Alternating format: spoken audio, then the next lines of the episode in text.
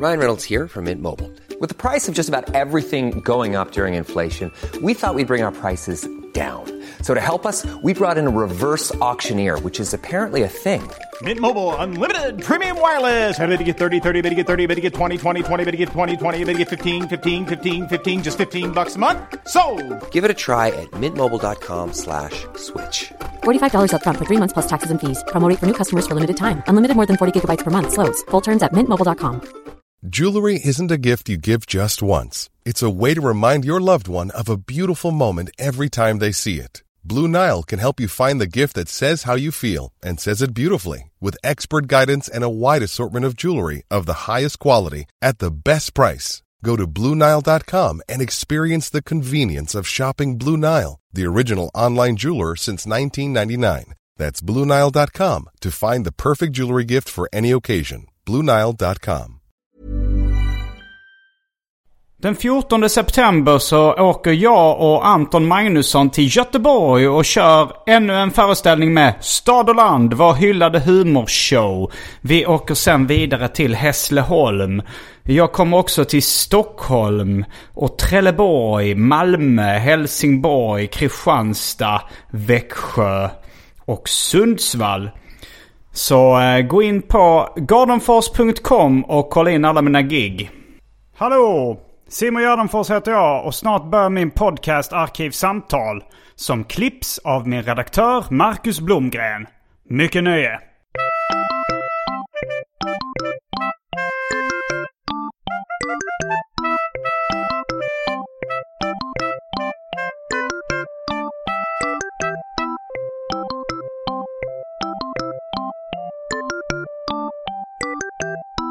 Hej och välkomna till Arkivsamtal. Jag heter Simon Gärdenfors och mitt emot mig sitter Adam Svanell. Välkommen hit! Tackar, tackar. Välkommen tillbaks eh, efter en eh, längre tids frånvaro. Jag vet inte om den är längre än vanligt. En, en, Lite längre. En, Det- ja, en lagom tidsfrånvaro. Ja, du, du har ju fått barn Yes. sen sist. Det är väl det, delvis därför det har Ja. varit lite längre frånvaro än, än vanligt kanske. Ja. Ja, men det är skönt att få informera om detta. Det- Jag åkte tåg igår. Mm. Och då så, när vi klev av, jag och min tjej och barnet då, Mm. eh, så, så sprang jag på igen då för att bära av. Jag har så mycket grejer vet, med barnvagn och sånt. Just och då, då kom konduktören fram och frågade min tjej, var det där Adam Svanell?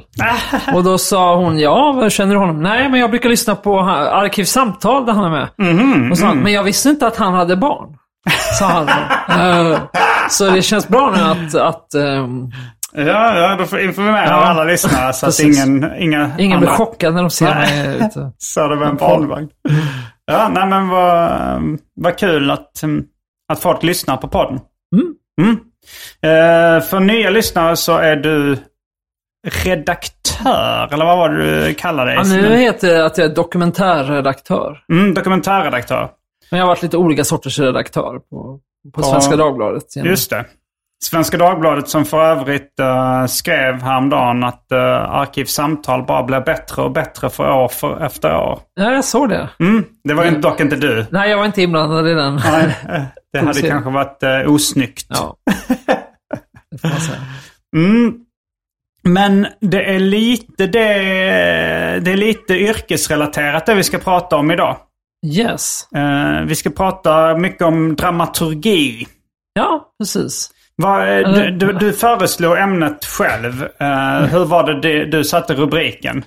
Ja, men det bara slog mig för att jag kom, känns som en del av de andra gästerna som är här, de brukar prata om sina specialintressen. Jag har ofta pratat om alla möjliga random andra grejer, från skånska mord till eh, mi- mitt privatliv. Liksom. Men, men så inser jag att eh, jag har ju aldrig pratat, eller väldigt lite i alla fall, pratat om det som jag jobbar mycket med på dagtid. Och det är ju mycket det här med coacha liksom, reportrar och skribenter och så kring ja, skrivande och dra- mycket dramaturgi. Och berättande. Så, så jag tänkte att vi kan prata lite om, om sånt. Jo, men det är ju jätteintressant för alla som håller på med någon form av berättande. Alltså, eh, jag, jag är jätteintresserad av dramaturgi, men jag har, har liksom aldrig djupdykt i det på något sätt. Nej, nej men jag och det jag gör är ju framförallt då med journalistik, men det är väldigt mycket samma typ av tänk. Och dessutom har ju då eh, hållit på och skrivit en roman nu och då har jag ju också hållit på massa med sånt. Så det är, och det är mycket som... Um, Och den romanen Ja. får du inte prata om än? jag får, jag får jag väl, men eh, alltså jag kan säga promota den lite snabbt bara. Att den kommer i, i januari på Januari. Mondial förlag. Och den heter Vilket förlag? Mondial. förlag. Mondial. Och det den heter Vildsvinet. Mhm. Så Spännande. Den, check it out. Och, eh, Eller det gör inte det nu då, utan i Nej, januari. okej. Den, den, ja. eh, den har inte släppts ännu. Nej, i januari släpps den. Mm. Så att jag håller precis på att lägga sista handen vid den nu. Ja, fan vad spännande. Det ska bli kul, och, kul att läsa. Men, eh, nej men eh, dramaturgi, ja, jo, du, sa, det, du menar, för jag har ju läst liksom i böcker om hur man gör, skriver filmer och sånt där, eller kanske, Mm. där är väl den här klassiska, är det valfisken som är en sån klassisk eh, Exakt, ja. form, att det ska vara först eh, någonting som griper tag i i eh, liksom tittaren eller läsaren. Alltså, och sen så går det ner lite och sen så upp på slutet. Ja, precis. Eller Eller är det? Exakt. Eh, ska jag ge mig in i det nu direkt då? Eller? Ja, men det tycker jag kan vara en... eh, Jag tänkte om vi skulle eh, ha någon Ehm. typ av dryck. brukar ju vara en... Okej. Nu har det blivit dags för det omåttligt populära inslaget Välj drycken.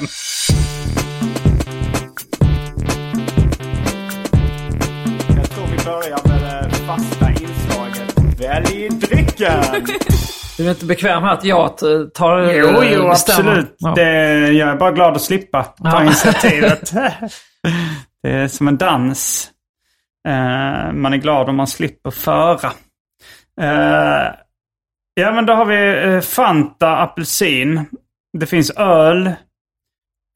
Starköl då alltså. Det finns massa olika sorters sprit. Det finns kaffe, det vill säga pulverkaffe utan mjölk. Det finns häxblandningen, det vill säga alla drycker som fanns i min kyl innan genomgick en så kallad corporate rebranding. Och för tråkmånsar och nejsägare, vatten. Svårt. Vad ska du själv ha? Jag har en vit vecka som började Ah. i uh, går. Så jag kommer att ta Fanta med smak av apelsin. Jag förstår. Ja, jag är ju då föräldraledig här på min sista vecka, så då tar jag självklart en stark öl. Ja, Jag tror det är av märket Stockholm. Ja, det blir så super. Då är vi strax tillbaks med dryckerna kända från det omåttligt populära inslaget Välj drycken. Häng med!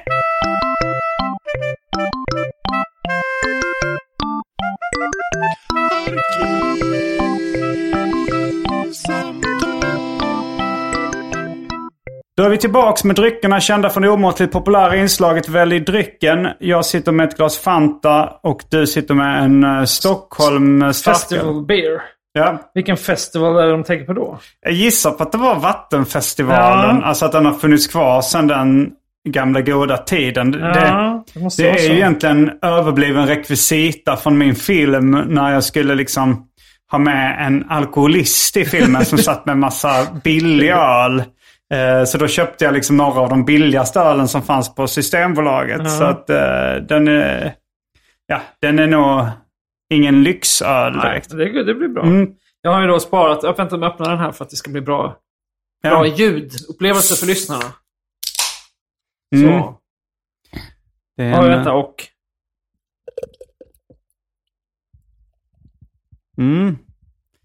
Reklam. Det Ja. kommer nog skumma lite om du häller upp hela. Men Ja, du, eh, du har det. varit med förr. ja precis. Eh, ja, visste du att det har kommit en öl nu från ett uh, bryggeri från Hylje utanför Malmö som heter Corporate Rebranding? Ja, jag tror att jag såg detta i den här arkivsamtalgruppen. Ja. eh, någon Vad tror du som grävande journalist? Eh, Tror du det är en slump eller inte? Ja, det beror helt på. Jag fördjupade mig inte riktigt i detta, men det beror lite helt på vad det är för eh, bryggeri, tänker jag. Om de har de en aura av att vara arkivsamtal-lyssnare liksom. Ja, de, är från, de är från eh, närheten av Malmö. Jag vet inte om det styrker caset eller inte. Men eh, jag tänker också att Men det är ju ändå ett begrepp som du har hämtat från annanstans ifrån. Så ja, det är det inte är inte så jag som har hittat på eh, det. Eh, men men det hade ju varit ett smart marknadsföringsknep. För att jag kan ju uppenbarligen inte låta bli om att nämna det i podden. Och det är just en hazy IPA som jag också har sagt är min favorittyp av öl. Eh, så att eh, de hoppas nog, alltså jag gissar på att det inte är en slump och att eh, de hoppas på gratisreklam. Men hade det inte varit smartare att då bara kontakta dig? Att det var liksom en official Simon G. IPA i så fall. Liksom. Eh, Varför göra en sån me- feg mellanväg? Försöka manipulera För fram... då, för då hade jag kanske krävt pengar för Ja, att... ja. eh, För, för de fattar väl att om de bara ge- ger, ger ut den så kan ju inte jag låta bli att prata om den och då har de ju inte, då har de inte eh, betalt några pengar. Men jag vet inte. Det, jag, kan ju, jag kan ju inte vara 100 procent. Kan, kan vara en viss mått av storhetsvansinne inblandat här ändå. Absolut. Men, ja, men jag braskar för att eh, det inte behöver stämma. Mm. Uh, japp, då eh, lämnar vi uh, lyssnarna med något av en cliffhanger. Just det, av Europa. Ja, valen. När du förklarade vad det var och sen sa du stämmer det och sen var, det var cliffhangern. Det är en av Europas många cliffhangers. Kanske sämsta just nu i alla fall. Ja. Eh, men när, Mm. när, alltså, det, det, det är ju en visuell bild, valen. Precis. Eh, och jag, nu när jag försökte beskriva den så, alltså det, det är liksom att man ritar en blåval i stort sett. I profil. Eh, liksom, I profil, ja. Och man börjar ju då bakifrån liksom. Mm. eh, blir det ju. Ja, jag vet inte varför just det här med valen har blivit en sån eh, känd grej. För det är ju inte en jättebra bild. Men det är klart man kan se det framför sig. Men poängen med det är ju då att eh, den här bilden av valen ska då beskriva just eh, spänning. eh, Hur, liksom, hur spännande det är ungefär. Mm. Och då precis kan man börja med stjärten. då, Det vill säga man måste börja med någonting, kastas rakt in i något väldigt spännande. Mm. Kallas alltså in medias res, eller vad heter det? Mm. Alltså när man börjar, fast det, det är kanske inte att man börjar med någonting spännande, men då börjar man ofta mitt i. Just det. Det som jag tidigare kallat för P3 Dokumentärdramatiken. Ja. Att de börjar ofta med liksom eh, en händelse som är väldigt spännande. Och sen så backar de bandet Ja. och börjar från början. Men, men, men eh, ja, just det har ju inte att göra Men Man kan börja med någonting spännande som är i början av Men- handlingen också. ja. Som inte är in medias Nej, men det blir ju ofta så. Det, det är ju ofta... eh, Men så jobbar ni väl undvika- också ofta med artiklar också? absolut. Då, liksom. Så verkligen och med våra egna dokumentärer. Alltså det, dokumentärpoddar gör det Ja. ju mycket nu. Ja. precis, att man, man tar ofta Det mest spännande först kanske. typ... Ja, nej, inte Kanske inte- man kan inte spoila, Nej, men- exakt. Det är det som är konsten. Utan man, man vill ju då... Man börjar med en cliffhanger. Ja, men det gör man ju ofta Mm, i ja, någon form. Mm. Eh, Men eh, po- poängen med är ju att man måste kasta sig in i någonting som blir intresseväckande för att Mm, liksom mm. fånga folk direkt. Eh, Samtidigt så vill man ju att... eh, man vill ju skapa nyfikenhet. Eh, alltså det är ju väldigt tråkigt om man liksom med den här spännande inledningen på något sätt ser, ja men så här kommer det här liksom spela, play out Ja, ja, allting. att man utan det måste ju vara ganska enkelt. kryptiskt gärna. Mm. eh, Utan, så det kan ju vara typ det mest spännande avgörande ögonblicket. Det Ja. klyschigaste eh, är väl liksom eh, just att man börjar med ungefär, nu håller någon på att trilla ner för ett stup ungefär. Hur fan, hur hamnade han här Mm. och, och hur ska det gå? Och sen går man, börjar med och när han vaknade den morgonen så tänkte han, jag ska gå till stupet och plocka blåbär och sen byggs det upp liksom. Det så, sen- har du men- sett eh, Sean Banan inuti Sean Afrika? Nej. Den, den börjar med att han är på en vattenskoter och skriker Ja. Hur fan hamnade jag här? Ja, men det är en... eh, Då tillämpar han det här ungefär. Ja. Men, ja, nej men och sen, poängen då med att det ska vara en val är ju liksom att då ska det gå ner väldigt mycket i början och sen ska den sakta liksom stiga upp. Byggas upp. Eh, och det är ju väldigt viktigt. Och det är en sån grej som jag jobbar ofta med, för många journalister kanske inte... eh, det kommer naturligt. Alltså det, om man tänker... eh, jag, hör en kompis som jobbar i mynd, på Skatteverket berättade typ att uh, inom myndigheter har man... Nu kommer jag inte ihåg vad det hette, men de hade någon sån... När de skrev rapporter och sånt, så skulle de använda något som hette typ pyramidmodellen eller något. Mm. Som var så här... Man börjar med toppen, det allra viktigaste först. Jaha, Och sen ja. det näst viktigaste och sen ska man liksom så bygga ut. Och ju Mm. längre man läser ju mer fördjupas det. Men man avhandlar allt det viktigaste först. Typ. Mm, Och det blir liksom mot...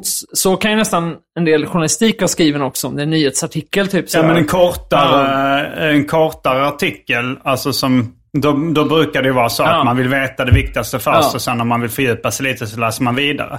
Men ett längre reportage förstår jag poängen om att man inte bara, att det inte bara ska bli tråkigare och tråkigare. Nej, men precis. Så det är ju sånt som jag jobb, får jobba mycket då med många reportrar, särskilt om är nya på att skriva reportage eller göra liksom, dokumentär. Att, att då brukar jag säga att, så, att man snarare ska ha det tråkigaste i början. alltså att det, det är en sak om, man, om du har en jättespännande inledning och sen börjar du ofta med bakgrund då, som du sa, vi tar det från början eller någonting. Det är ju egentligen det enda stället nästan i berättelsen där man kanske har tålamod med att det är lite segt eller någonting. Ja, liksom, man fram. Men sen är det jätteviktigt att det blir ehm, att det blir en framåtrörelse och blir liksom eh, intensiteten på något sätt höjs. Ehm, och, eh, och därmed den här validén då, att det måste hela tiden liksom bli lite mer och mer intressant eller mer spännande om folk verkligen ska hållas kvar. Ehm, och där gjorde jag faktiskt någon sorts, eh, jag ska inte överdriva och få det här låta som det var vetenskapligt på något sätt, men vi har ett sånt verktyg på jobbet som man tittar på hur långt, hur många som läser till slutet av en text och hur långt de läser. Och då gjorde jag någon sån, jag satt ner med en massa av de här långa reportagen vi har gjort och försökte analysera så vad finns det för eh, likheter och skillnader mellan alltså, de texter som folk bara läser en femtedel av och de där jättemånga läser hela till slutet. Och då var det ju jättetydligt att, eh, att det var de texter som hade mest att folk läste långt var just de där det fanns typ en gåta. eller, eller ett... Um, något som gjorde att man måste läsa hela för att få svaret. Just liksom. det. En cliffhanger. Ja, men ja, eller det behöver inte vara... Ja, men det kan man ju säga. Men alltså att det fanns Ja. någon typ av... Eh, för att om vi typ säger så att vi har en, eh, en artikel som handlar om så... Eh, den fruktansvärda mobbing... Eh, eh, mobbingen inom poddvärlden. Och så börjar det med att någon bara, ja men jag var gäst hos eh, Simon Gärdenfors och han betedde sig som ett svin och så. Och sen möter vi intervjuperson två och jag var gäst hos Anton Magnusson och han betedde sig som ett svin. Och sen gäst tre, ja men jag... Och så, och så bara fortsätter det sådär liksom. Ja. En sån artikel kanske väldigt många klickar på och vill läsa. Men väldigt många läser bara första eh, 20 procenten kanske. För sen fattar de, ah, jag har fattat vad det handlar om. Och sen går de vidare. Liksom. Just det. Medan en artikel som, där du kastar ut så här, just så här, hur fan hamnar jag här då i början? Då måste ju folk liksom hänga kvar. Jo. Um, och så sen så, vi man liksom- avslöjar inte, kanske inte, inte vilka av uh, poddvärldarna som var svin förrän i slutet. nej, nej, precis. Då skulle man kunna ha så här, eh, att man i början har, nu hittar jag bara på några, men alltså det blir lite, det blir inte så elegant lösning. Men säg att man skulle haft så här, och, och alla de här har ju en gemensam nämnare. Eller något. Och så får man inte veta förrän på slutet vad det var för någonting då, som gör att det var just du och Anton som gör de här mobbnings... Det var män. Ja, exakt. Ja, för jag vet, vi hade bland de här som hade längst som lästid, då var det bland annat en text som Lotta Lundgren skrev faktiskt. som var så här, eh, hon försökte få tag på ett beryktat glassrecept som skulle vara så Olof Palmes recept på glass. Just det. Mm. Så det var ju egentligen väldigt liksom light. Så. Och det är inte någon sån mordgåta direkt. Nej. Men man var tvungen att liksom läsa hela texten för att veta om hon fick tag på Olof Palmes glassrecept. Liksom. Ja. Och det hade jättemånga då läst. Liksom. Fick hon tag på det till slut?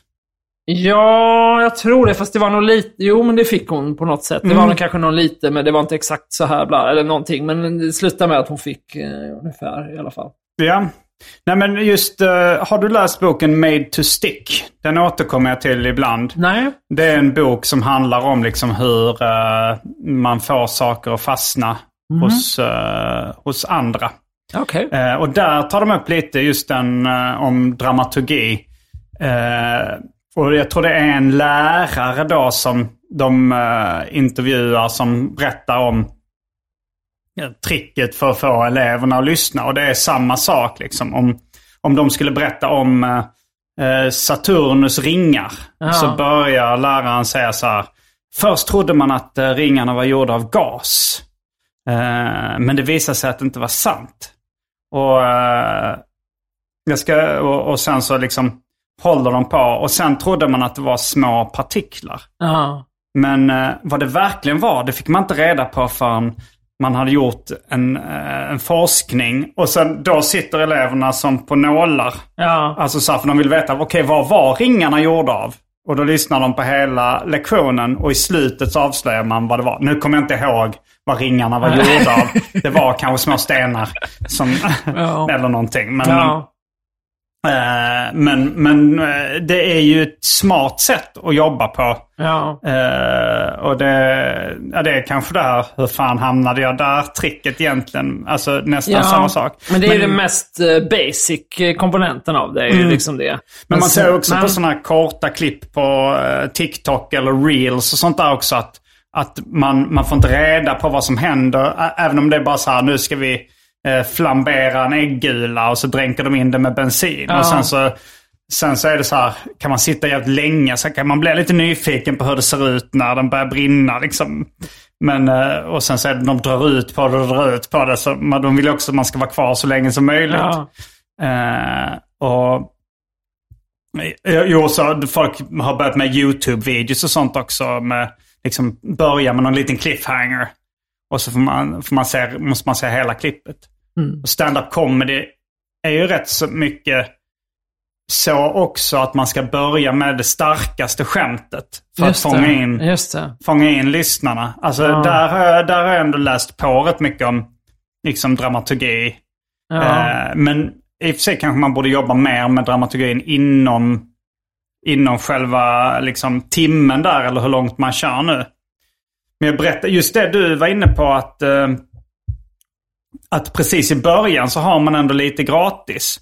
Jag frågade så här, eh, Anton, han brukar jag, brukar, jag brukar slänga in mitt nya material som man inte vet hur det kommer gå. Alltså det är så här... eh, Eh, det, är of, det, det går ofta dåligt, liksom, de nya skämten. Men, så jag slänger in dem någonstans i mitten så att eh, det inte ska liksom förstöra, eh, förstöra intrycket i början. Liksom. Och jag vill inte avsluta med det heller för att då förstör man... För att folk minns ju ofta det sista skämtet. Eller liksom, så jag slänger in någonstans i mitten. Men jag har märkt att Anton Magnusson, han la ofta in det... Han började ofta med sitt nya material. Så frågade de varför och då sa han just det att men just i början har man lite gratis liksom. Då är det ingen som direkt slutar lyssna. De bara tycker de är kul att det är någon ny på scenen. Ja. Att de är... Och det stämmer också med det här, alltså så här, som du sa att eh, där kan man unna sig att vara lite tråkig. Kanske inte exakt i början, det tycker jag Nej. också är konstigt. Men om du då börjar med en cliffhanger Ja. och sen kan du unna dig att vara lite liksom tråkig uppbyggnad. Ja. Och då kommer du ändå ha folks uppmärksamhet skulle jag säga. Absolut. Och en cliffhanger, det låter ju som när man säger cliffhanger just som att det ska vara en så här jätte som i den här Batman-serien som man såg när man var barn när de hängde.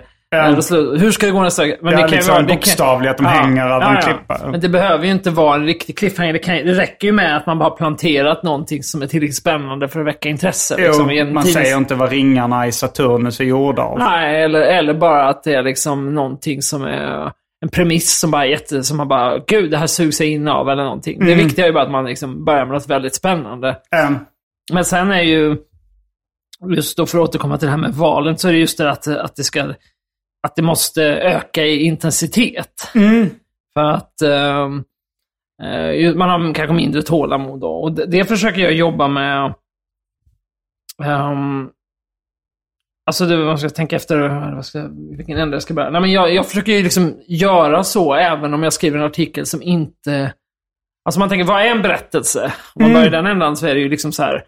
Eh, ja, men det ska finnas huvudpersoner, det ska finnas någon typ av konflikt. Eh, och det ska vara över tid då. Eh, där det sker en slags förändring. Typ klassiska, någon ställs inför en utmaning och så ska alla den de här klara grejerna liksom. är ju inte krav för att det ska kallas berättelse. Nej, men det är väl inte Mm. så man brukar definiera typ ungefär vad det är. Men, men jag, jag försöker liksom skapa samma eh, drama, eh, dramaturgiska känsla, eller vad man ska säga, uppbyggnad, även när jag skriver ett material som inte har de komponenterna. Liksom. Mm, Alltså, för jag tycker att om man skriver en så riktigt lång text så behöver det följa den här, liksom, det ska bli riktigt, eller behöver, men jag tycker att det blir väldigt bra för, trick. fördelaktigt. Ja. Liksom. Så, um, så kan jag bara ta ett exempel. Ja. Uh, typ för några år sedan skrev jag ett reportage som var så här. ehm, eh, Jordan B. Petersons fans. Och det var liksom när Jordan, jag gissar att de som lyssnar vet vem Jordan B. Peterson är vid det här laget. Men det här var ju då liksom när han skulle komma till Sverige första gången.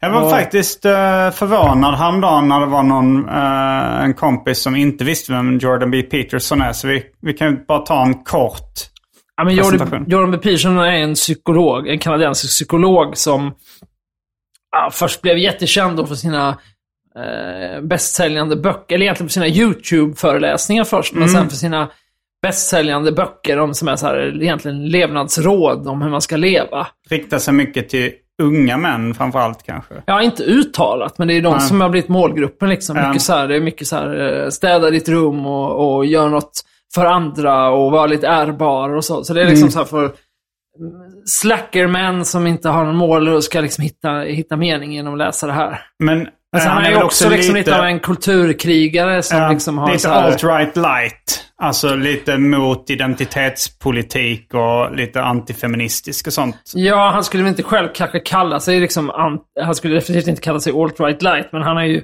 flörtat väldigt mycket med just att vara väldigt kritisk mot transrörelsen och han är liksom lite så mi- halvklimatförnekare. Men han har liksom flörtat Mm. mycket sådana kontroversiella grejer och det är mycket kanske... Han har blivit minst lika känd för det som för sina, för sina mm, böcker då liksom. Mm.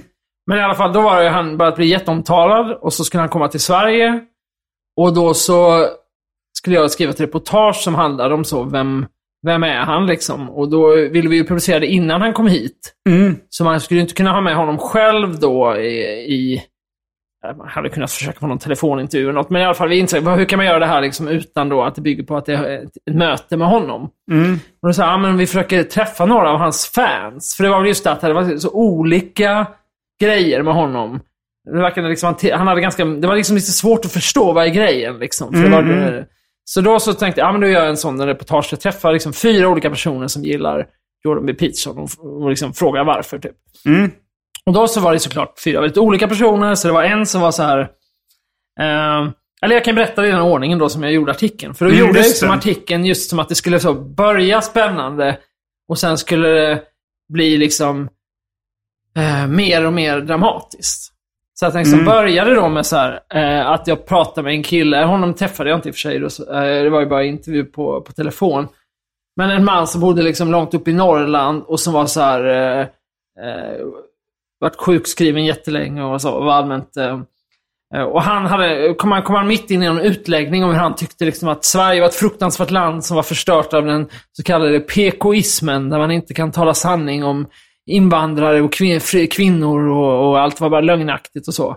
Men nu såg han ljuset i tunneln för att eh, Jordan B. Peterson har kommit. Och så sa han, jag tror att han kommer ses i efterhand som en figur som i stil med Johannes döparen, den som startade den nya, så, någonting. Mm. Så det började med den Det intervjun? började med den liksom Ja. ganska drastiska, att han sa han är liksom sin tids Johannes döparen. Och sen Jag då... hade aldrig koll på vad Ja. Johannes döparen gjorde. Ja, men han var ju den som kom liksom innan Jesus och förkunnade. Det kommer komma en ny frälsare Jaha, och så. ja, ja. Men i alla fall. Och Så då, han det var ändå konstigt så här, han såg inte honom som en ny frälsare. Utan han såg honom som killen som kom innan Ja, sen kom han in på det senare, att Mm. han var en sorts Messias också. Men i alla fall. I alla fall. Då började det så liksom. Och det tänker jag, det var ju spännande liksom. Men sen började det väldigt basic med så här, vem är Jordan B. Peterson? Och alltså, Mm. lite tråkig fakta, grundläggande sånt man behövde veta. Och sen då så började jag med den intervjuperson som var liksom, eh, kanske liksom, vad ska man säga, mest liksom, eh, kom från en traditionell värld och hade liksom eh, auktoritet och så. Det var ju en forskare då som heter Anna-Karin Wyndhamn.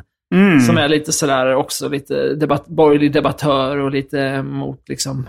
Hon har skrivit en bok om Ivar Arpi och sådär. om lite- Men hon är liksom forskare vid Göteborgs universitet. Så börjar hon berätta då om liksom hur hon hade upptäckt Jordan B. Peterson, att det var för att han kritiserade politisering inom, inom forskningen. Liksom. Mm, Så då liksom berättade jag hennes perspektiv samtidigt som jag då gav en massa information om Jordan B. Peterson, vem han var och så längs vägen. Liksom. Det var liksom det kanske minst liksom, kittlande eller så i artikeln. Liksom.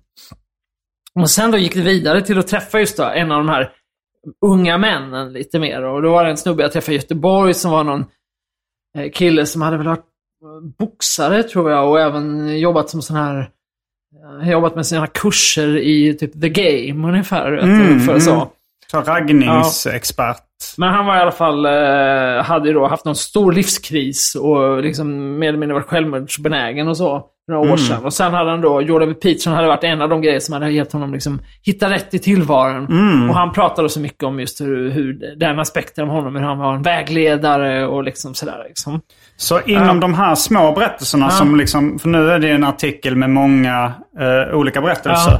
Jobbar du med en dramaturgi inom den berättelsen också då? Alltså den här, Ja, men till lite exempel såklart han att som... man vill ha en snygg slutkläm och vill Ja. hela tiden liksom... Eh, man vill ju hela tiden göra lite mer. Men inte bara det, alltså att man liksom lägger upp det på ett sätt. Men, Ja. men det är inte så att det finns några cliffhangers i de här segmenten. Utan det är mer att jag har placerat de här personerna på ett sätt så att det ska bli liksom...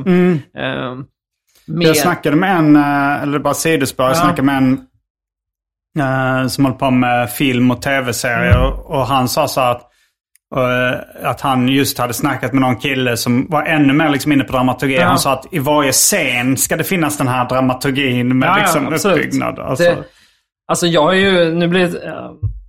Jo, men eh, sidospår är inte fel. Jag, jag, kan, Mm. jag, var ju, jag har ju gått en sån kurs i London. En snubbe som heter Robert McKee. Okej, Och han är ju... ehm, han är en guru. ja, men eh, precis. Jag kan prata mer om honom sen. Han är ju bland annat med som en karaktär i filmen Adaptation.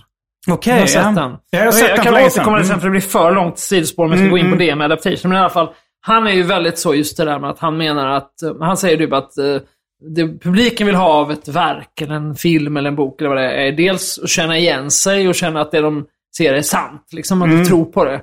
Och det andra är att de vill bli överraskade. Så han är ju jätteinne på det just att man ska bli överraskad hela tiden.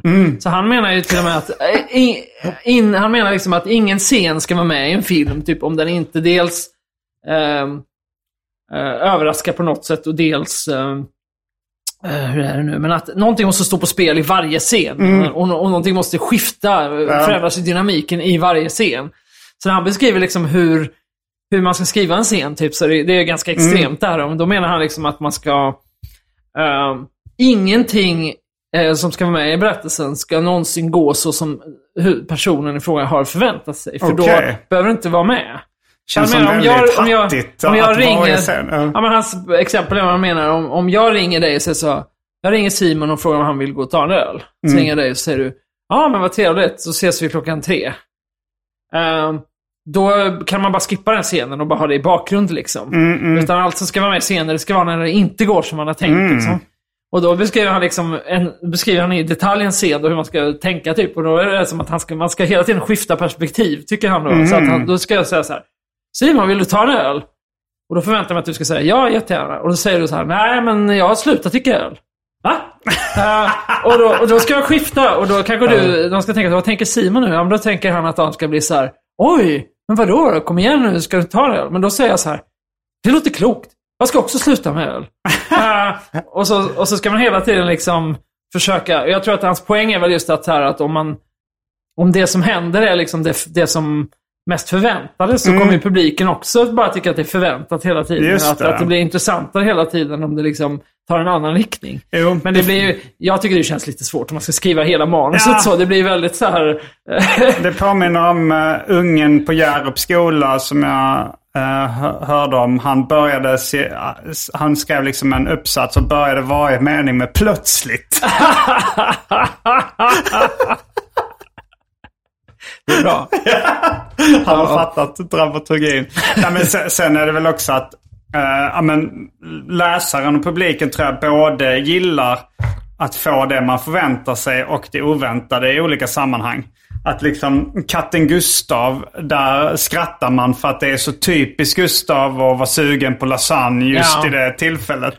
Men det kan också vara kul ifall, ifall han är sugen på något helt annat, helt oväntat liksom.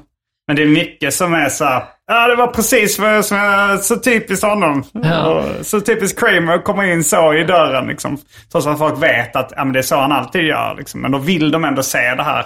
Jag tror det, det finns, man kan uppskatta båda. Ja, men precis. Jag kommer inte ihåg, men det, alltså den här Maki, han har ju en sån...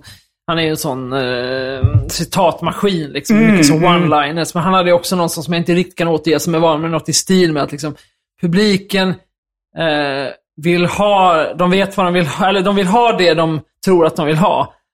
Eller man ska ge dem det de tror att de vill ha, fast på ett annat sätt. typ så här, Att de ska inte kunna se berättelsen framför sig. De ska bli överraskade om hur de hamnar, men det ska ändå liksom sluta på ett sätt som, som eh, tilltalar dem. Nej, jag, kommer inte, jag kan inte riktigt återge det. Hur det var. Jo, det finns ju det där Henry Ford-citatet. Man ska inte ge eh, folk eh, det de vill ha. Man ska ge det de inte visste att de ville ha. Just det. Ja, men det är lite åt samma.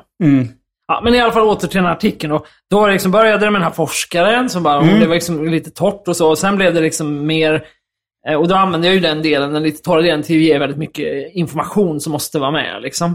Och sen blev det lite mer spännande då. Jaha, det är en massa unga människor som vägleds av honom i livet och liksom så. Ja. Sen då, så efter jag gick vidare till en kvinna, mer oväntad person som var så här, en kvinna i 70-årsåldern. Som jag hade uppdaterat. Hon hade mejlat in till tidningen när vi hade haft en annan artikel om Jordan B. Peterson. Okej. Som hon var jättearg för att den var så lögnaktig och smutskastade honom, tyckte hon. Och hon var ju liksom en så här, eh, kvinna i 70-årsåldern som var psykiatriker själv.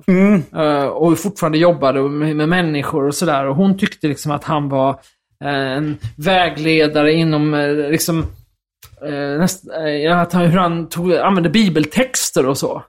Så då börjar man liksom mer komma in på det här, hans koppling till religion, att han nästan liksom ses som en religiös figur. Liksom.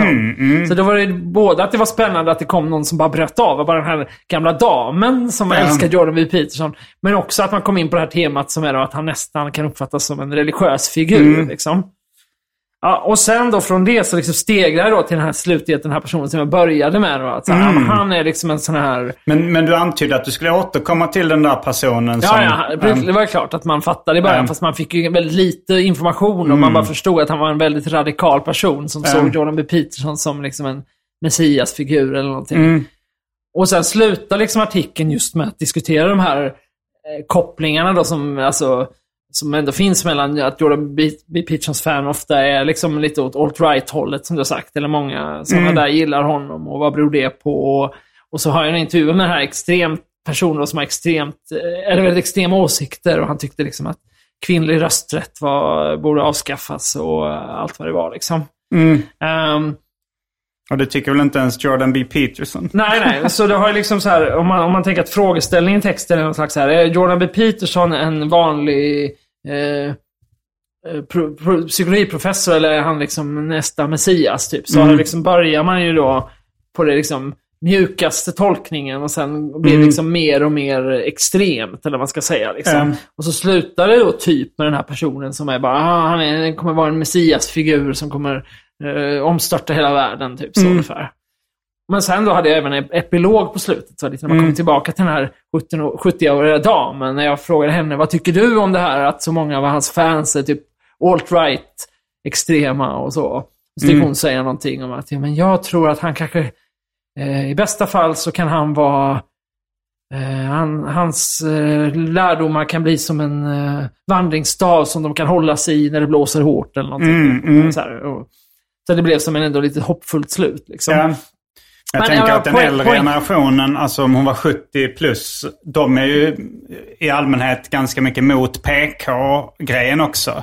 Alltså de, de, eh, de äldre tycker jag är rätt vanligt att de äh, även sa tycker att men det har gått för långt det här med...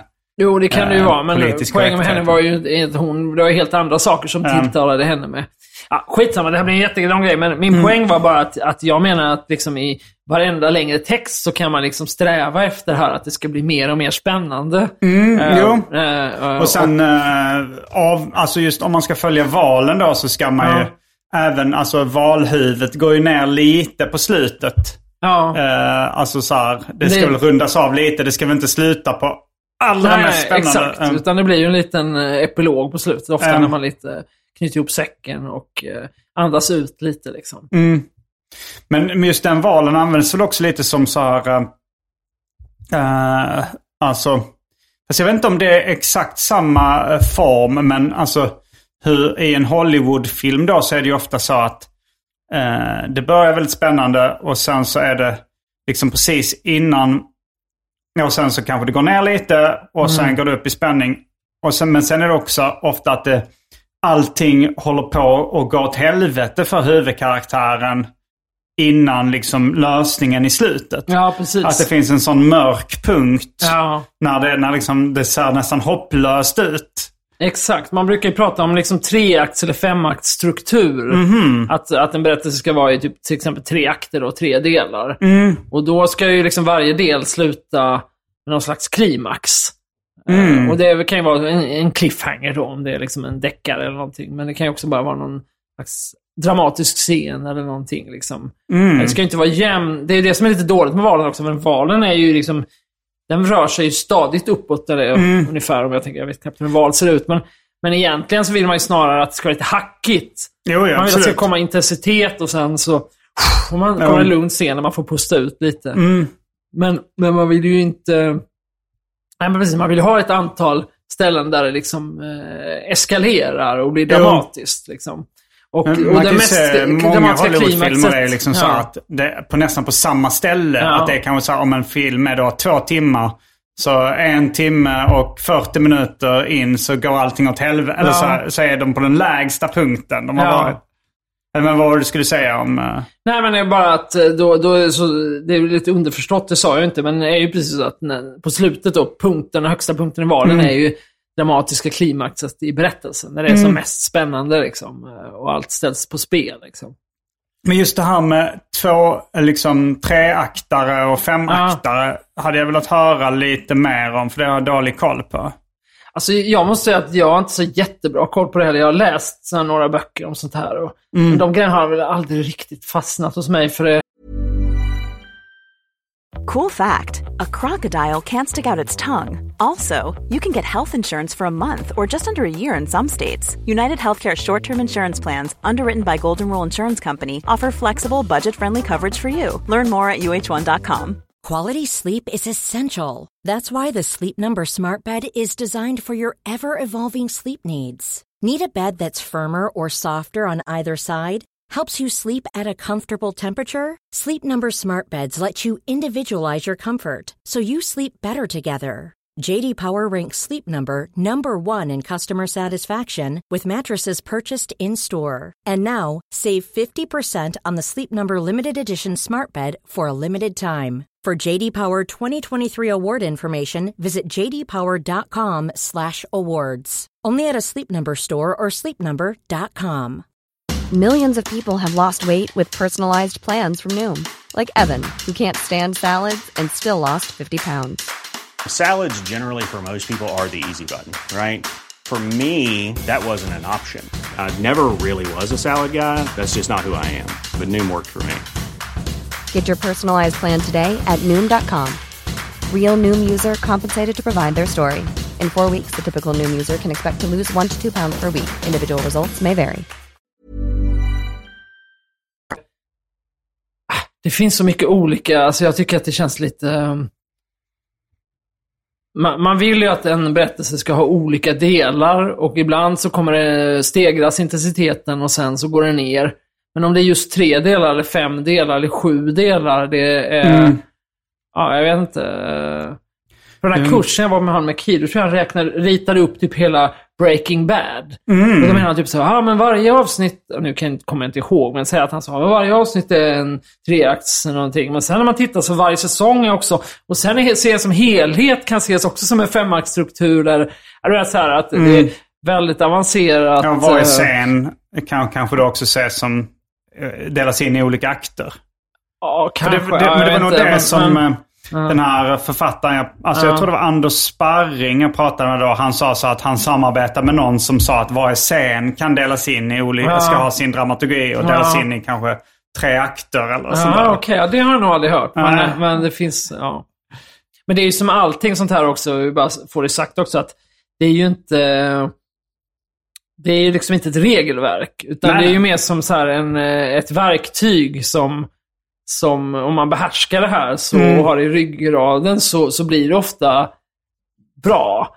Och sen Jo. så kan man ju ofta bryta mot de här grejerna och då kanske det blir ännu mer dynamiskt om man behärskar det. Och Absolut. Kan, eh, Det kan ju bli lite uh, klichéartat ifall du följer eh, liksom de här strukturerna till punkt och pricka. Ja. För då liknar de ju väldigt mycket andra verk som har följt de strukturerna. Jag Ja, men- pratade med Henrik Möller några avsnitt sedan Ja. om eh, han hade läst någon, eh, eller jag tror han läst någon bok och intervjuat i sin podd någon som pratade om skillnaden mellan masterwork och classic. Ja.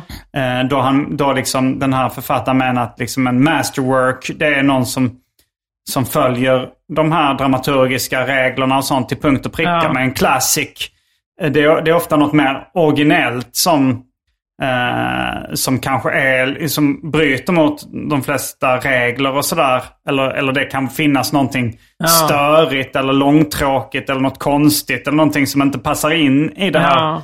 formatet som gör det mer originellt och därför, of, därför har chans att bli en klassiker. Liksom. Ja. Nej men absolut. Alltså, jag tror att det är ju... ehm, nej men precis som du säger, alltså, när jag började skriva reportage då, då skrev jag nog väldigt mycket just när jag hade lärt mig de här grejerna. Då skrev jag nog väldigt mycket så här som du beskrev Peter Dokumentär. Man börjar med en jättespännande scen och sen en väldigt tydlig cliffhanger och sen var det så. Allt började egentligen när han var liten, typ sådär liksom. Men sen... Det är väldigt effektivt Ja, format. men det är effektivt, men det kan också kännas som du säger lite form... alltså, man, Peter Dokumentär känns ju väldigt mallat och man blir sällan så...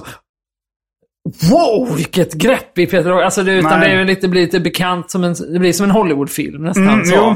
Men ju mer man behärskar det här, ju mer kan man liksom... Då kan man ha det där i bak, liksom, det sitter i ryggraden.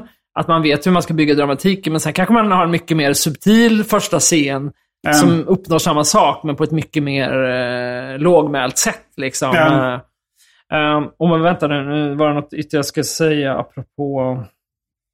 Jag kan slänga in något emellan Ja. medan du tänker. Jag för jag tänkte på inom stand-up så är det lite på det sättet också med formelskämt. Ja. Kan man väl säga liksom att när man börjar skriva stand-up eller de flesta gör det så, så, så är det kanske lättast att få skratt genom att följa liksom tydliga eh, eller, eller klassiska skämtmallar nästan. Eh, som man, ja men låt oss säga att det är någon sån här Ja, det lite rycka undan mattan-mallen eller så. Om man säger så här, ja men jag var eh, eh, på ICA och då var en sån eh, äcklig kärring framför mig i kön som liksom skrek åt personalen och pissade på sig. Och, och jag var så här, måste du alltid handla samtidigt som jag mamma?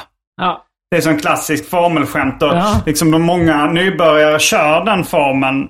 Eh, alltså så att man, man, man avslöjar att det var ens morsa eller Ja. man avslöjar att man, eh, att man kan vara lärare på skolan som, eh, eller någonting liksom. Och, och det ger ofta skratt men sen är, blir det också liksom, ju, om man är mer stand-up-van, har sett mycket stand-up eller kört mycket själv, då börjar man tycka att de mallarna känns lite billiga. Ja. Och kanske vill göra något lite mer originellt. Ja. Men man vet ju att de också är effektiva och man kan använda sig av, alltså även då erfarna proffs kan ju använda sig av dem ibland, mallarna liksom. ja. Men det är precis, jag tror att även liksom många mer avancerade berättare, som mer konstnärliga, tror jag, det hävdar folk, jag har aldrig suttit ner och analyserat själv, men liksom när man läser om sånt där så står det ofta att även liksom såna, om man analyserar dem så följer de också det här på ett eller annat sätt. Mm. Liksom.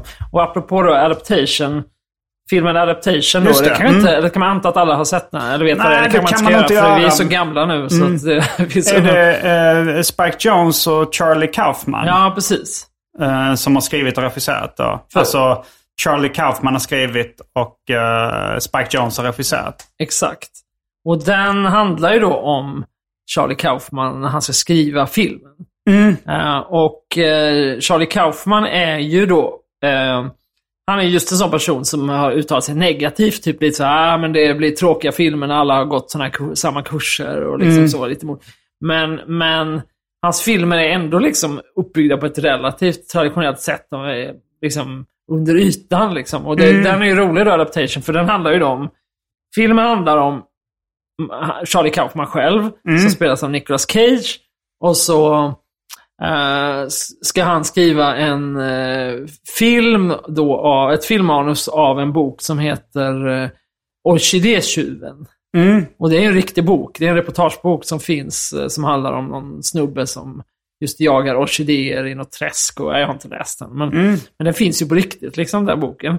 Så handlar det om att han har den här visionen, han vill skriva en film som, som inte har massa klisch, eh, inte använder alla de här klassiska greppen.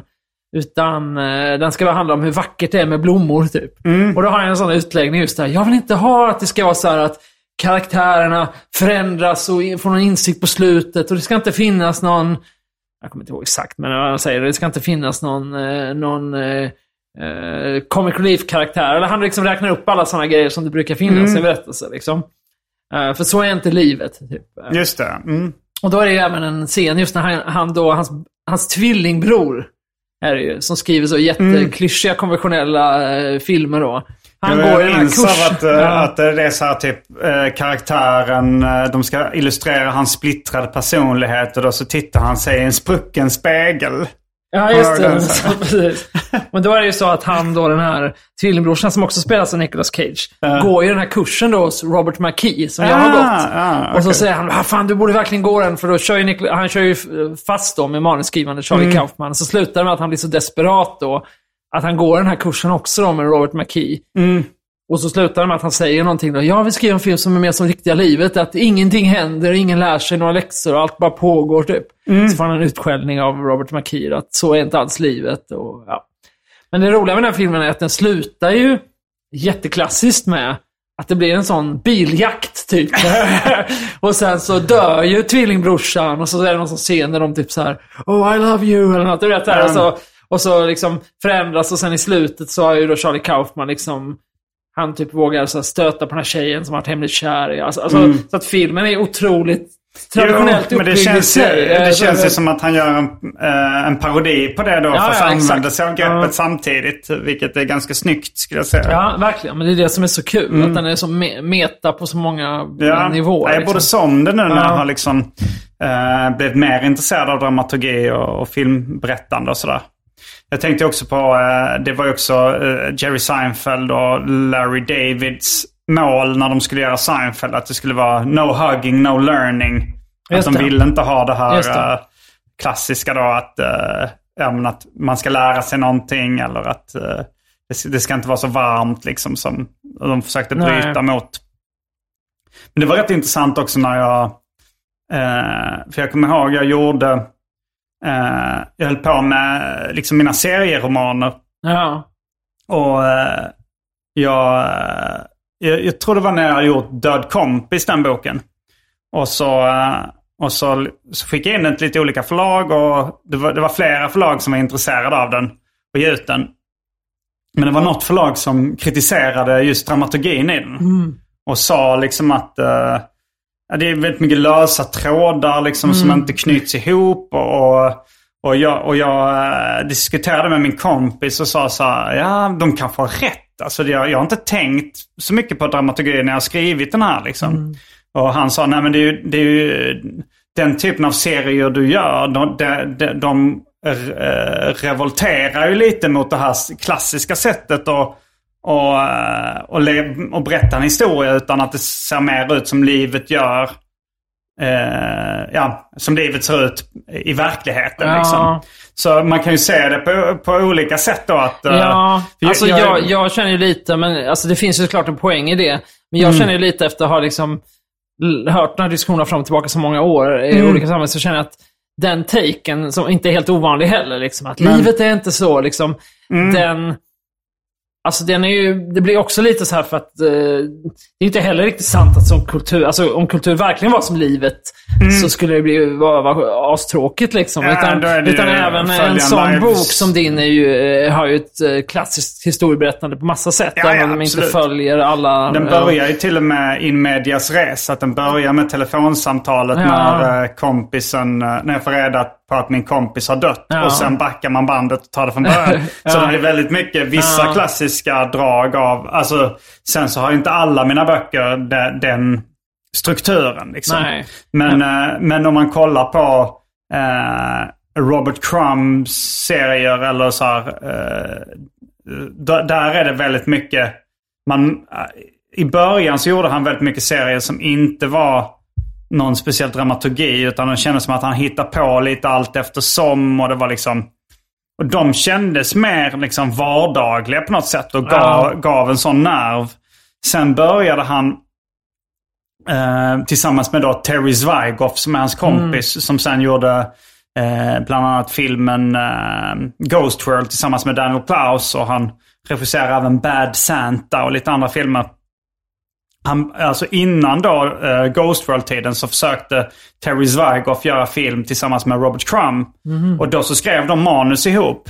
Eh, det var bland annat på gång eh, att de skulle göra liksom en mjukporrfilm av hans serie Bigfoot and White Man tror jag den heter. Som handlar om någon, någon average Joe som eh, får en romans med någon så här skogsdjur.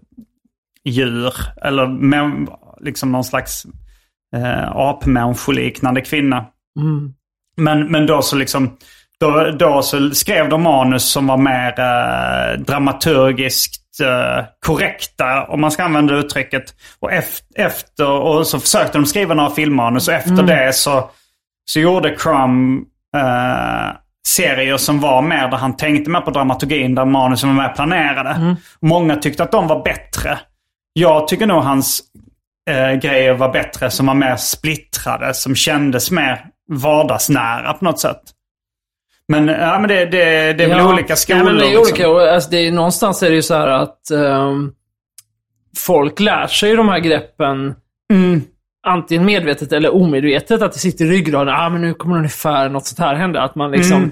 Så därför kan det ju bli väldigt effektivt när man, när man bryter det helt. Alltså jag tänker som Mm. typ så här i ja men säg någon Pulp Fiction eller något sånt. När man bara plötsligt skjuter en av huvudkaraktärerna, John Travolta, bara så här, pff, i Mm. förbifarten när han sitter och skiter och sen bara går det vidare och inget... Eh, Mm. då, det blir väldigt eh, så här, Då blir det liksom för att man går emot exakt hur man brukar göra, så blir det i sig liksom coolt. Mm. Jo, det Typ, blir en eh, classic. ja. Men eh, kanske eh, skulle inte räknas som ett masterwork som kanske mer filmen, jag skulle säga att så här, Titanic är mer ett masterwork. Att den Ja. följer alla, alla Ja. regler. Medan liksom Pulp Fiction är mer en classic. Om man ska använda de begreppen. Att Ja. det, är så här, det bryter mot väldigt mycket regler. Sen var det, blev det mycket film som var inspirerat av Pulp Fiction efter det. Så det startar ju en ny trend på något sätt. Ja. Men sen tror jag också att jag kommer just från journalistiken och jag känner inom journalistiken så finns det att folk, även om, alltså det här med valen och så är jättekänt liksom. Jag upplever att det finns ingen tradition av att man tänker så här så mycket och pratar om det. Inte, I alla fall inte tidningsjournalistiken. Nej. Så där, nej men inte så mycket. Så där tycker jag att man kommer ofta väldigt långt på att bara liksom börja jobba så här. Liksom. Att Tänk så här och tänk så här. Liksom.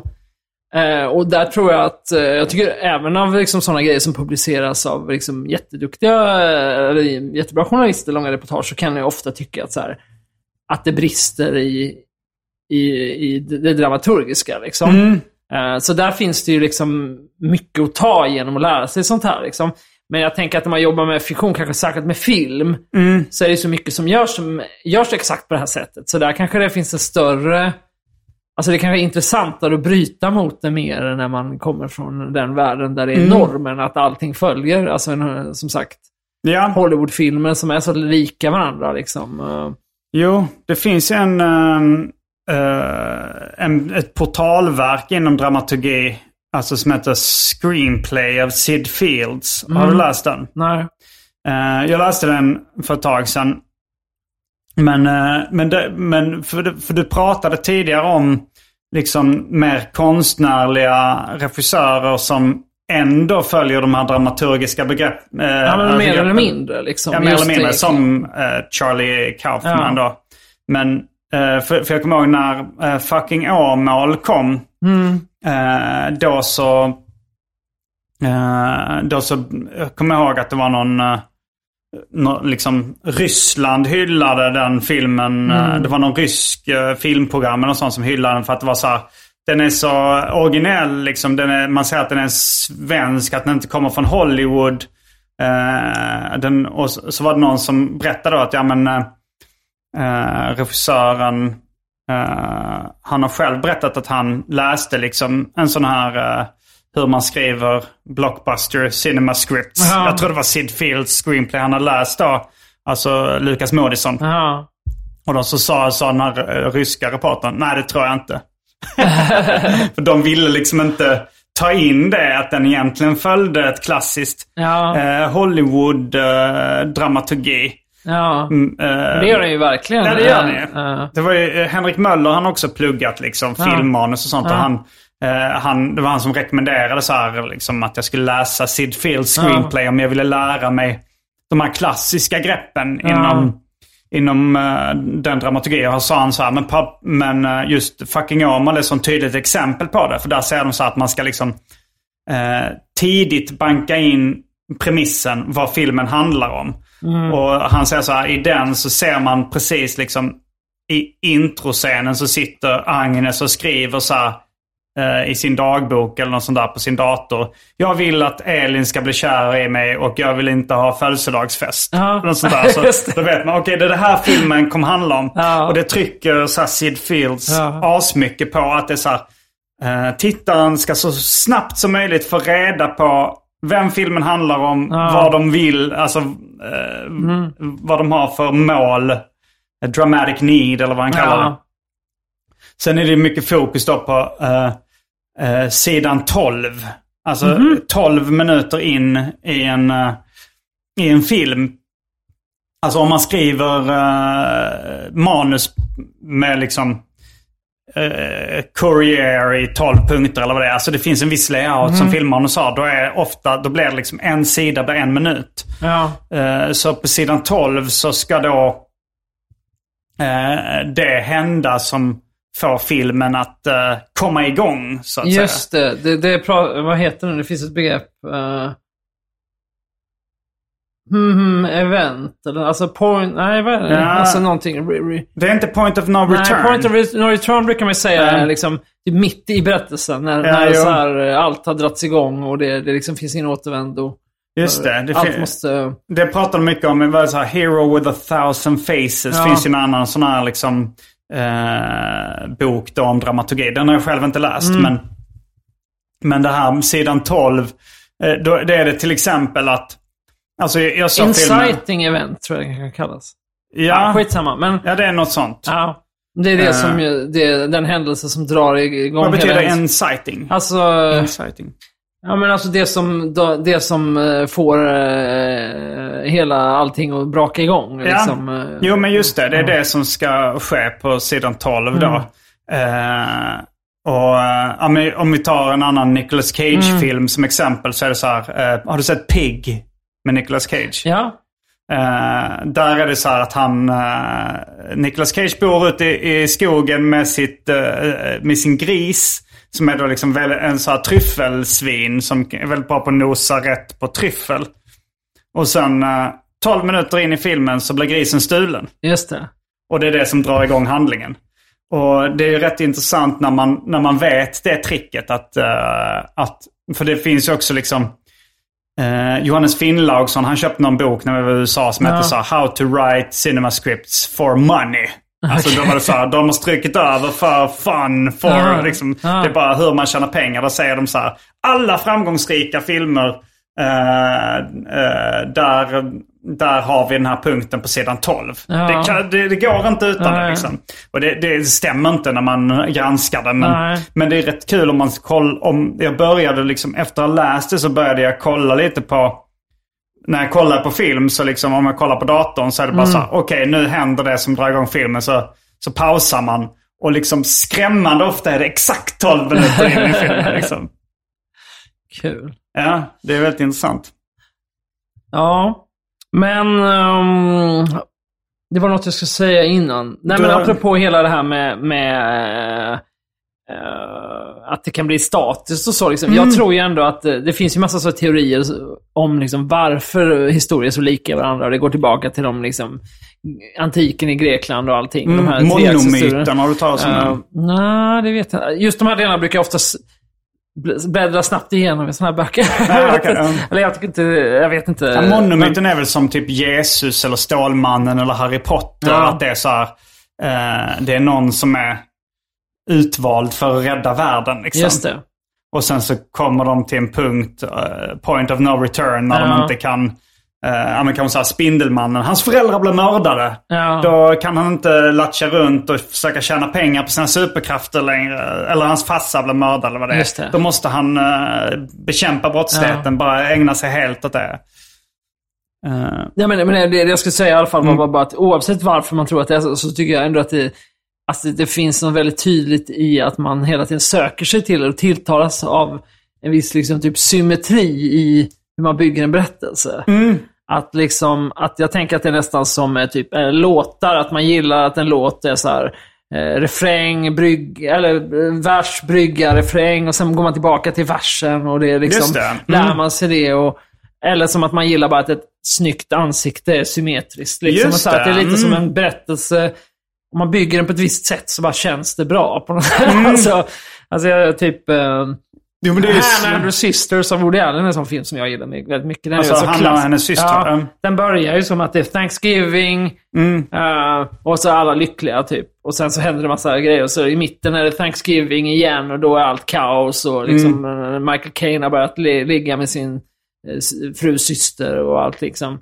Och sen slutar allt med att det är Thanksgiving igen då. Det har gått två år och då är allt jättelyckligt. Och så liksom att man så här... Ja men det bara finns vissa så här eh, former som bara Jo. talar till en på något sätt när man, när man använder dem. Liksom. Jo, men det är väldigt intressant att symmetri är någonting man tycker är vackert. Men det är också när någonting är för symmetriskt så man kan tycka det är lite tråkigt. Lite själlöst. Ja. Ja, så att, att det är liksom... här, ett ansikte, alltså så här, fall- det, är, det är kanske något ansikte som har någonting som sticker ut som kanske blir det mest intressanta. Ja. Men, eh, men liksom ett symmetriskt kan vara det som flest uppskattar Ja. eller tycker är vackrast. Precis, liksom. men, men samtidigt mindre- som det är helt osymmetriskt så tycker man det ser fruktansvärt ut. Ja, ja. Så att det ska vara liksom lagom symmetriskt, men sen ska det vara något som är off. Ja, liksom. på rätt sätt. Så kanske man kan tänka då också. Ja, jag vet inte. Ja.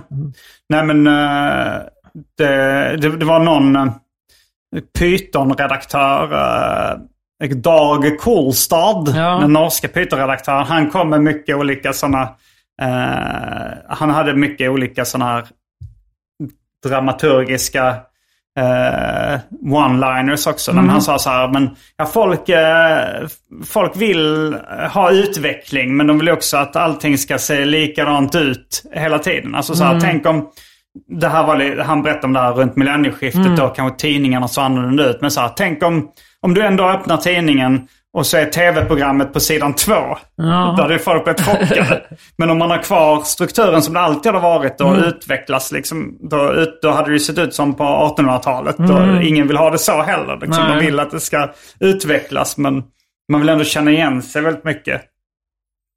Han hade också en rätt rolig grej vad det gällde eh, humor som jag nog har, har berättat om innan. Det var det så här, han, eh, han berättade om, eh, det var nog tecknaren Tommy Sydsäter. Eh, som, eh, jag tror det var han, eh, som han sa så han är en jättebra tecknare men han var, han kunde, han var skitdålig på manusförfattare. Liksom. Han, han hade den här eh, teorin liksom att så här, ja, det, är, det är morsamt, det är roligt om någon har eh, en meter lång kuk. Och då tänker han att då blir det ju dubbelt så kul om man har två meter lång kuk. Ja. Den är svårt att ta den liksom till sin extrem. Den. Då är det liksom... Jo, han menar ju då att, att Tommy Sydsäter hade fel. Att Ja. det, blir inte, det blir inte dubbelt så kul om en gubbe har två. Sen är frågan hur kul det är om en gubbe har en meter lång kuk. Men, Ja. men att det blir dubbelt så kul om man... Men bara återknyta till det du sa om uh, samma. Alltså jag tycker det är ändå för mig, ändå, just när jag jobbar med journalistik, i alla fall, nyckel är just det här med att, att det måste förändras hela tiden. Just som jag var inne på det där med att uh, hela texten handlar om olika komiker som, eller poddare som är vidriga, så blir det ointressant. Utan jag brukar ofta tänka att eh, ett reportage, eller en dokumentär för den delen, ska liksom idealiskt, den perfekta berättelsen, så kommunicerar man helt olika saker i olika delar av berättelsen. Alltså i början så eh, framstår det som att Simon Gärdenfors, han verkar vara en fantastisk kille och gud vad, vilket bra liv han har med sin podd. Och sen så börjar det, nej men vänta nu, han verkar ju vara en eh, obehaglig barnvåldtäktsman. eh, och och sen så, så efter ett tag så visade det sig att men det var ju bara en, han låtsades ju vara en obehaglig barnvåldtäktsman för att sätta dit en riktig barnvåldtäktsman. eller- eller så liksom. Eh, att jag försöker verkligen just... eh, men det är ju det här med vändpunkter och så, men att man Mm, försöker skapa liksom att, att, eh, att eh, man inte vet vart man är på väg. Liksom, är ju väldigt, väldigt viktigt. Och då kanske, och- om man ska ta Ja. en, lit, en klassisk Ja. formel så borde Ja. du börja med då så här. Men är han en riktig barnvåldtäktsman, att det är redan liksom i, i början då? Att Ja. För det är det mest spännande. Ja. Och sen så börjar man från, från början kanske. Eh, Jag har läst en bok där de berättade hur... Har du läst eh, The Manual How to get a number one the easy way? Alltså den här KLF-boken? Ja, just det. Ja, nej, nej, jag har aldrig Nej. försökt få en number one. Eh, men där, eh, det, kan jag, det kan jag avslöja då. Nu, nu kör vi en cliffhanger till Ja. eh, det Patreon-exklusiva. I det Patreon-exklusiva avsnittet ska jag berätta hur man får en listetta på det lätta sättet. All right. Mm. Varje vecka så släpper jag ett bonusavsnitt av den här podden exklusivt för er som donerar en valfri summa per avsnitt på patreon.com arkivsamtal. Patreon.com arkivsamtal alltså. Det finns redan över 40 exklusiva avsnitt som du får tillgång till. Så det är mycket kul för valfri slant.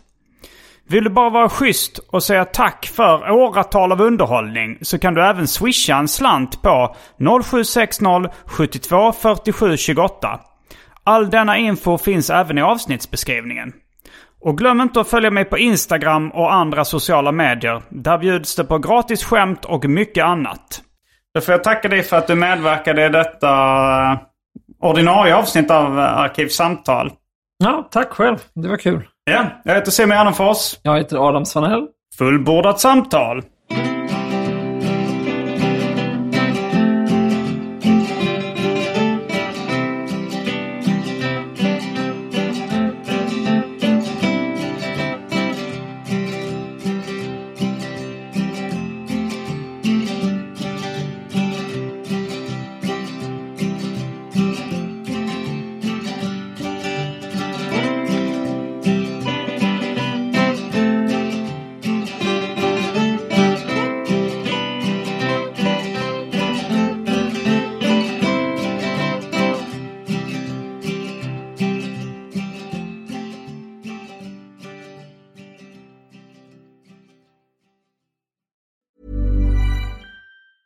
Planning for your next trip?